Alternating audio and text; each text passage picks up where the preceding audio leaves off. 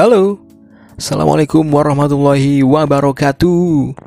Balik lagi di konten paling gak jelas Culam susu Curhat malam Suka-suka.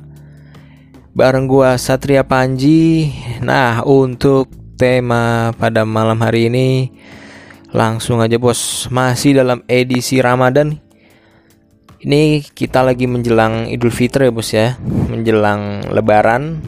Tapi kayaknya masih relevan ya kalau kita ngomong mengenai 3M ya. 3M ini ada hubungan sama Covid. 3M itu apa, Bos? 3M mudik, mudik, mudik.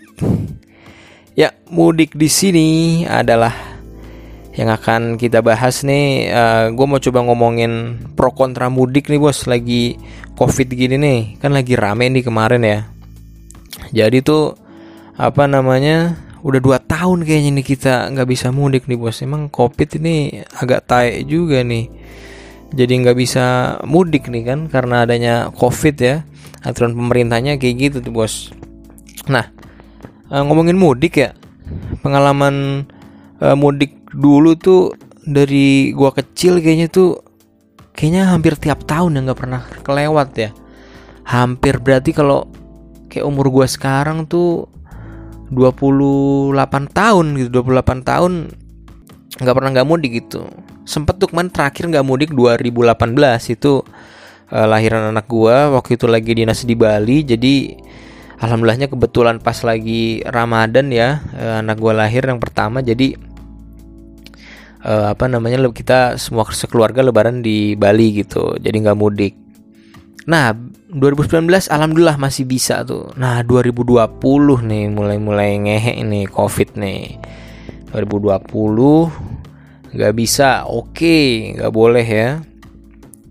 Terus 2021 nih kita udah nunggu-nunggu, kita udah nahan, kita udah tahun 2020 kemarin. Oke, Covid lagi awal-awal lagi ganas kan. Terus kita taat protokol, oke kita sabar, kita berdoa ya Allah semoga uh, dipanjangkan umurnya ya untuk saudara-saudara kita, untuk kakek nenek kita, orang tua kita di daerah gitu kan. Biar 2021 ini kita bisa ketemu nih, bisa merayakan lebaran bareng keluarga besar gitu kan. Eh tapi ternyata nggak bisa pemerintah melarang mudik bos. Ini nih yang nanti kita coba bahas ya. Apakah sebenarnya bilang tepat nggak tepat tuh relatif ya kan mungkin ada dari sisi pemerintah ada dari sisi masyarakat juga gitu kan cuman tuh kalau yang namanya mudik tuh emang kayaknya relate banget ya kayaknya sangat-sangat melekat banget gitu sama masyarakat Indonesia gitu kan. Ya mungkin khususnya di Pulau Jawa walaupun sebagian besar ada yang ke Pulau Sumatera gitu kan juga lumayan banyak. Mungkin juga eh, apa namanya ke bagian timur bisa jadi juga ada gitu yang mudik gitu kan. Karena kalau pengalaman gue dulu aja tuh apa namanya karena dari kecil ya banyak gitu pengalamannya.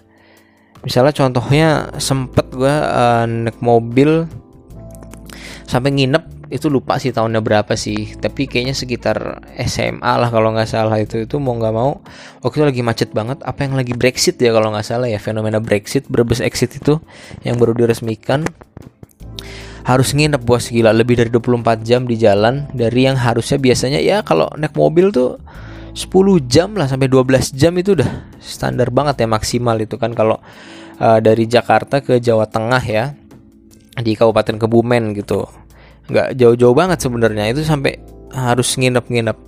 Terus juga pernah katanya sih nyokap gue pernah cerita gitu. Waktu gue masih ya lima tahun tiga tahun lima tahun katanya. Waktu itu lagi ada fenomena yang namanya hmm, ini bos apa tuh namanya? Kolor hijau bukan kolor hijau apa ya? Gondoruo atau pocong atau apa gitu. Tapi itu yang kayak kasarnya tuh jadi jadian gitu. Jadi kayak malah itu mengerucut ke tindak kriminal gitu. Nah jadinya mereka nyamar jadi kayak setan-setanan gitu nakutin korbannya mungkin ntar jadi dibegal atau rampok itu kayak gimana. Itu dibela-belain naik kereta lagi musim kayak gitu kan. Terus waktu itu nggak dapet tiket. Waktu itu kan sistem kereta nggak kayak sekarang ya bos ya. Yang udah lebih nyaman segala macam gitu. Nyaman dulu tuh ya udah uh, apa namanya sistemnya bebas tempat duduk gitu katanya. Jadi udah dapet tiket tapi tempat duduknya kita dulu duluan gitu kan. Ya dulu kebayang mungkin orang tua gua apa namanya udah pesan tapi mungkin dilalahnya yang tujuan ke Bumen habis. Jadi dia waktu itu naik ke tujuan lain ke Jogja gitu tapi nggak lewat Kebumen. Nah akhirnya tuh nyokap gue kayak nyamperin kondekturnya gitu atau masinisnya ya ya minta tolong lah karena memang lagi nuansa apa namanya mau berkumpul gitu kan dibela-belain. Dari jauh-jauh dari awal perjalanan kayaknya di notis pas waktu lewat arah Kebumen nggak apa-apa diturunin di tengah rel aja gitu. Jadi bukan di stasiunnya jadi sebelum pemberhentian e, Kebumen memang kayak sengaja berhenti sebentar. Akhirnya turun kalau nggak salah tuh di sawah bos. Gila di sawah. Jadi nyokap gua gandeng sama gue waktu itu masih kecil juga itu harus ngelewatin sawah untuk bisa sampai uh, kampung gitu harus nyampe rumah mbah gua gitu kan. Nah itu sampai perjuangan sampai kayak gitu tuh padahal waktu itu lagi banyak uh, lagi ngeri ngerinya teror itu. Terus ya alhamdulillahnya semenjak kayak kuliah terus mungkin kerja ke sini alhamdulillah juga sempat uh, naik pesawat juga gitu mudiknya turun di Jogja terus naik uh, apa namanya bis sebentar gitu kan. Itu alhamdulillah pengalamannya cukup menyenangkan ya karena bisa cepet gitu kan untuk sampai ke rumah mbah gua Nah intinya kayaknya tiap masyarakat Indonesia tuh punya kenangan tersendiri ya mengenai mudik ini. Jadi juga selain mereka punya cerita buat mereka sama keluarganya, anak-anaknya gitu, dan mereka juga punya cerita gitu di kampung halaman. Kayak misalnya mungkin mudik tahun kemarin si adik sepupunya yang A baru misalnya kelas 4 SD. Terus mungkin tahun depannya udah kelas 5 SD tapi ada perubahan-perubahan yang kayak gimana yang uh, signifikan. Nah, itu jadi kayak memang mudik ini momen berkumpul keluarga yang ditunggu-tunggu banget gitu. Karena ya memang akan apa banyak kenangan di situ gitu loh. Akan banyak apa kebersamaan gitu kan di situ sehingga uh, ya mungkin buat orang apa namanya apa pun mungkin golongannya mungkin kelas atas kelas menengah atau kelas bawah mungkin ya mereka bela-belain gitu dengan segala moda transportasi demi kumpul sama keluarga. Karena momennya itu bos momennya yang memang sangat sulit gitu untuk uh, apa namanya dilewatkan gitu tapi kita balik lagi nih untuk sekarang nih 2021 ya. Udah hampir setahunan Covid. Gue nggak ngerti juga nih, nggak kelar-kelar ternyata bos. Nggak tahu pemerintah yang memang kurang apa atau mungkin kita warganya nggak bisa mentaati protokol dengan baik gitu. Gue juga bingung gitu jadinya. Ya jadinya ya dengan adanya pro kontra larangan ini tuh jadi lumayan ada uh, kehebohan gitu, keramaian gitu mengenai mudik ini gitu kan. Nah, jadi tuh memang pemerintah sih ya yang seperti kita tahu udah banyak lah ya terobosan-terobosannya ya. Ya maksudnya berusaha sekuat tenaga juga dengan berbagai kebijakan dia dengan satgas Covid-nya, terus juga terakhir dengan adanya vaksin. Udah bener-bener kita apa namanya dari pemerintah ada stimulus-stimulus uh, ekonomi juga gitu sebagian bantuan langsung tunai juga gitu untuk ibaratnya bisa menghandle si covid ini gitu biar terkendali gitu. Terus juga apa namanya dari masyarakat sebenarnya sih sudah banyak juga mungkin tokoh-tokoh masyarakat ataupun juga uh, public figure dan lain-lainnya yang sudah mengajak gitu untuk uh, taat protokol. Cuman ya pasti namanya uh, dua sisi ya ada juga gitu banyak nggak nggak sedikit juga gitu kebijakan-kebijakan pemerintah yang menuai pro kontra juga terkait covid ini gitu misalnya kayak menjelang menjelang uh, apa larangan mudik kayak gini nih kemarin ditemukan ada uh, eh, WNA yang nggak lama dari luar negeri datang ke Indonesia terus yang kasusnya di India juga ada lagi kecolongan bisa masuk. Nah itu tuh kayak ngebuat ya jadi kita masyarakat tuh serba bingung gitu. Nah ini pemerintah tuh maunya apa sih sebenarnya sih? Gitu kan. Kayak apa ya namanya ya? Eh, nggak uh, jelas gitu mencela mencle jadinya masyarakat tuh bingung gitu. Mau ngikutin pemerintah tapi pemerintah sendiri kadang ngelanggar juga gitu. Walaupun ya gue juga sadar gitu dari sisi masyarakat juga nggak 100% uh, semuanya pada taat protokol gitu ya. Sebagian masih banyak yang ke kerumunan nggak pakai masker gitu gitu kan terus juga masih sering adain apa ngumpul-ngumpul tapi uh, bukan yang esensial gitu. Nah jadi memang dari dua sisi ini gitu yang bikin apa ya? Ya gue juga nggak tahu sih. Kayaknya sih bagi sebagian masyarakat tuh udah mulai capek gitu ya. Ya mungkin opini gue pribadi gitu ya. Uh, apa namanya? Yang memang memaksakan mudik tahun ini tuh bagi sebagian orang ya mereka kayak nganggap ya gue tahun lalu 2020 tuh udah uh, udah total gitu gue udah jaga protokol gue udah di rumah aja bahkan sebulan full ya bulan Ramadan. Gue nggak ikut apa namanya uh, terawih apa sampai sholat, sholat idul fitri juga di rumah ya.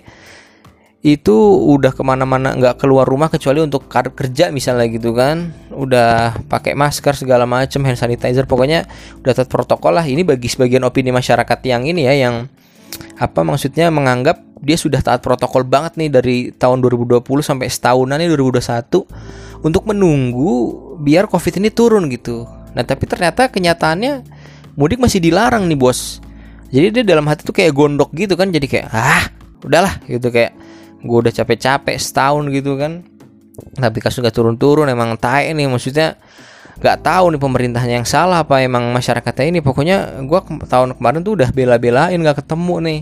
Ini kalau tahun sekarang sampai tidak mudik lagi ya emangnya dalam hati dia ada yang bisa ngejamin apa? Keluarganya dia eh, kakek neneknya atau mungkin orang tua saudara-saudara di kampung tuh masih ada umur gitu kan buat tahun depan. Siapa yang bisa jamin gitu? Emangnya anda Tuhan gitu? Maksudnya kalian-kalian ini yang uh, membuat kebijakan uh, melarang mudik tahun depan gitu kan. Misalnya disuruh ditunggu lagi itu pun kalau misalnya sudah terkendali.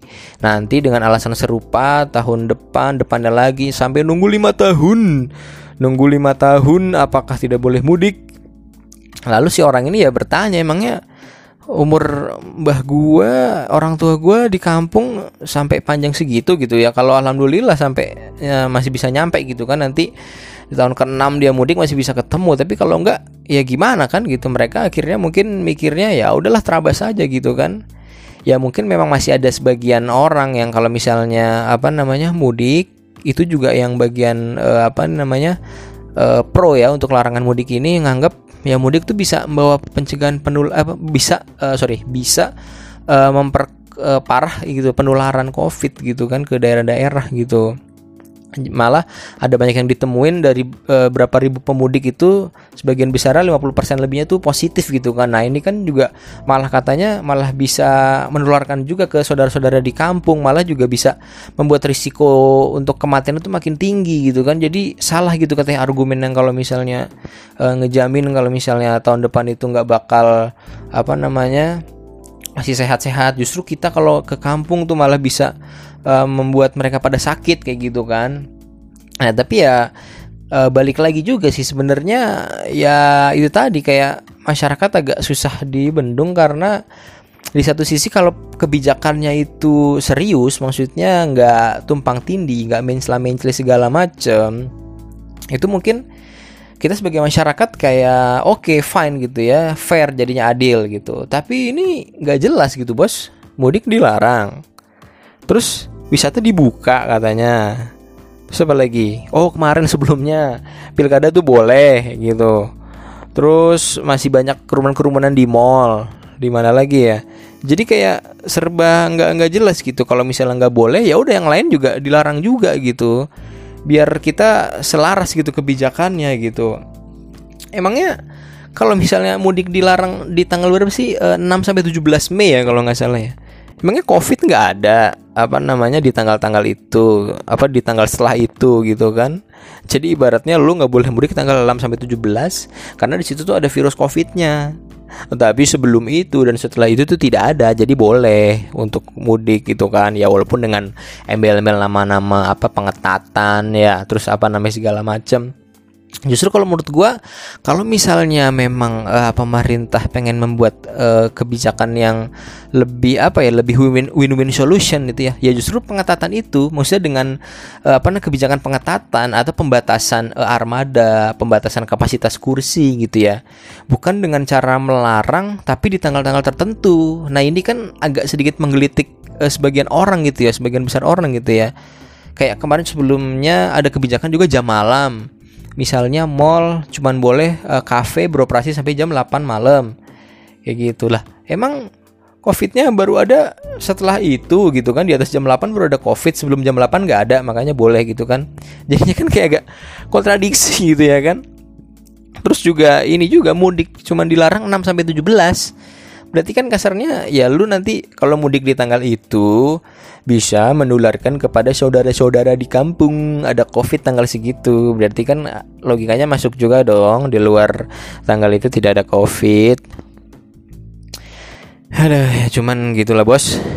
Namanya pemerintah sudah membuat aturan ya kita harus apa namanya eh, taat ya. Kita harus mendukung apa pun resikonya ya apalagi sebagai warga negara yang baik ya ya, apa namanya kita berusaha sebisa mungkin lah juga mensosialisasikan juga kita ngebantu juga ke apa namanya teman-teman yang lain untuk uh, ngebantu juga nih uh, biar pencegahan covid nih bisa menurun gitu. Tadi mungkin bisa dengan sosialisasi nggak mudik atau mungkin juga ikut aturannya.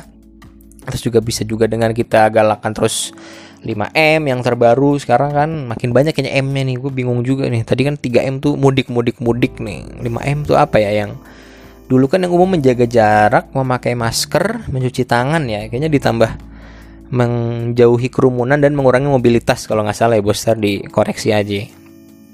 Gitu. Jadi kalau dari gue pribadi sekarang sih kayaknya udah ini ya bos ya apa kemarin kan juga sudah disebut sama dokter Tirta nih kayak mudik tuh kayak jadi tameng pemerintah aja kayak menegakkan benang basah gitu. Kayak udah tahu kasusnya akan naik jadi kayak mudik jadikan alasan gitu kan. Kayak tuh kan udah gua bilangin jangan mudik. Lu mudik sih kasusnya naik kan tuh. Nah jadi kayak gitu tuh biar kayak nggak langsung habek gitu ke pemerintah semua. Jadi ada ngeles-ngelesnya dikit lah gitu. Ya jadi kayak menurut gue sekarang uh, ini sih kayak udah apa ya orang tuh udah lebih butuh uang kayaknya bos. Ekonomi kayaknya ya. Ya kayak kantor gue aja tuh babak belur bos. Nggak ada apa ada larangan mudik ini gitu. Nggak boleh terbang segala macem. Gila ruginya tuh hampir m sampai triliunan bos gara-gara larangan mudik. Ya maksudnya ya oke. Maksudnya gue ngerti kalau dari sisi para nakes dan segala macam tuh kesehatan tuh paling utama gitu. Memang maksudnya kesehatan kalau kita sehat kita bisa melaksanakan aktivitas ekonomi jalan segala macam gitu. Tapi di sisi lain ya kita harus fair-fairan juga gitu harus lihat dari sisi yang lain gitu. Kalau uh, sebagian orang juga tetap butuh makan bos. Tetap harus apa namanya ada aspek ekonominya di situ itu nggak bisa dilepasin gitu. Apalagi Indonesia sangat beragam sekali dan mungkin sebagian besar itu golongan menengah ke bawah ya yang ya kalau orang-orang kaya mah kalau ada pandemi kayak gini enak tabungannya banyak. Dia mungkin bisa isolasi mandiri di rumah atau apa. Ya kalau orang kecil bos buset dia harus ngojek harus apa namanya keluar ke pasar segala macam ya itu kalau lu teriakin ada covid covid nggak boleh ada ini tutup ABCD segala macam ya dia nggak bisa makan makanya aspek ekonomi kalau menurut gue sekarang kayak udah jadi perhatian juga ya udah setahun lebih pandemi kayak gini tuh bukannya orang abai sama protokol tapi perut mereka udah nggak bisa ditoleransi gitu. Perutnya harus makan. Dan ini kan menyangkut apa hajat hidup orang banyak ya gitu. Jadi orang sekarang kayak lebih mikir apa namanya masing-masing gitu. Ya gue juga nggak bisa munafik kalau misalnya ya udah yang penting gue jaga kesehatan diri gue sendiri nih sekarang sama keluarga gue gitu. Gue keluar pakai masker terus mencoba uh, kalau misalnya memang ada potensi rame-rame ya gue melipir sedikit. Atau misalnya kalaupun harus ke sana misalnya harus naik kereta transportasi umum segala macem ya cari-cari di jam-jam awal lah biar nggak kena yang bagian uh, ramenya kayak gitu kan. Jadi kalau menurut gue ya sekarang sebenarnya kembali ke masing-masing bos. Karena udah sulit ya kalau misalnya lu harus kayak lockdown, lu harus kayak larangan-larangan ABCD, nggak boleh masuk ke tempat segala macem. Ya sekarang ya udah kayak gini kondisinya gitu. Ekonomi akan terpuruk terus kalau misalnya apa namanya semuanya serba ditutup gitu semuanya serba dilarang gitu. Jadi harus ada penyesuaian kebijakan ya. Kayak tadi di awal tuh misalnya pembatasan jam operasional terus juga apa namanya pembatasan jam ya walaupun di awal nggak efektif ya bolehlah mungkin misalnya dicoba tapi tujuannya di tiap jam itu tuh uh, intinya untuk mengurangi kerumunan ya bukan dalam artian jam ini tuh kayak tadi gue bilang kayak kalau lewat jam itu tuh nggak ada covid gitu tapi misalnya lu mau batasin sampai jam 9 atau jam 10 malam di tiap jamnya juga harusnya kayak ada pengontrol kerumunan gitu. Misalnya per jamnya harus ada 500 orang atau berapa yang 50% dari kapasitas itu. Begitupun juga dengan tempat-tempat apa namanya eh, transportasi ya, transportasi 50% kapasitas, kafe segala macam gitu. Nah, kalau menurut gue itu lebih fair gitu. Jadi kayak apa namanya? Kita pengaturan protokol aja. Terus mungkin juga persyaratan tes sebelum perjalanan gitu kan Nah dibanding kita yang melarang-larang, toh ujung-ujungnya orang pasti nyari celah bos. nyari celah lu apa namanya ngasih kebijakan mudik 6 sampai 17 ya sebelum tanggal 6 tuh banyak orang yang udah berangkat duluan gitu bahkan bisa jadi setelah tanggal 17 ya ada juga nanti yang baru mudik gitu. Karena soal ngerasanya covid itu ada di tanggal 6 sampai 17 Mei itu doang gitu di pas periode larangan mudik aja. Tapi sebelum sama sesudahnya ya orang anggapnya ya udah gitu. Karena kan balik ke diri masing-masing lagi. Gue yang akan menjaga kesehatan pribadi gue sama orang-orang eh, di sekitar gue orang terdekat gue itu keluarga gitu asalkan itu tadi ekonomi bisa jalan keluarga gue bisa makan gitu semuanya bisa tetap berjalan lah walaupun lagi covid kayak gini. Karena ya itu tadi bos sudah susah lah sekarang udah lewat setahun orang udah pada mulai capek. Intinya tetap waras aja tetap jaga kesehatan pribadi masing-masing dan juga keluarga. Sama gue juga mau ngucapin uh, minal wal faizin mohon maaf lahir batin. Intinya selamat lebaran semuanya pokoknya apa pun pekerjaannya kondisinya di mana pun kita berada semoga sehat selalu. Dan semoga kita berdoa bareng-bareng agar pandemi ini cepat uh, terkontrol ya terkendali cepat angkat kaki dari muka bumi ini. Emang tai ini covid tai tai sudah uh, merubah semua segala tatanan kehidupan. Oke itu aja untuk uh, culam susu malam hari ini. Uh, semoga uh, lu semua bisa uh, apa namanya enjoy dan juga ya kita obrol bersantai aja kayak gini kan. Kita curhat-curhat aja. Dan kita doakan semoga tahun depan kita bisa mudik ya, Bos. Oke, sekian. Wassalamualaikum warahmatullahi wabarakatuh.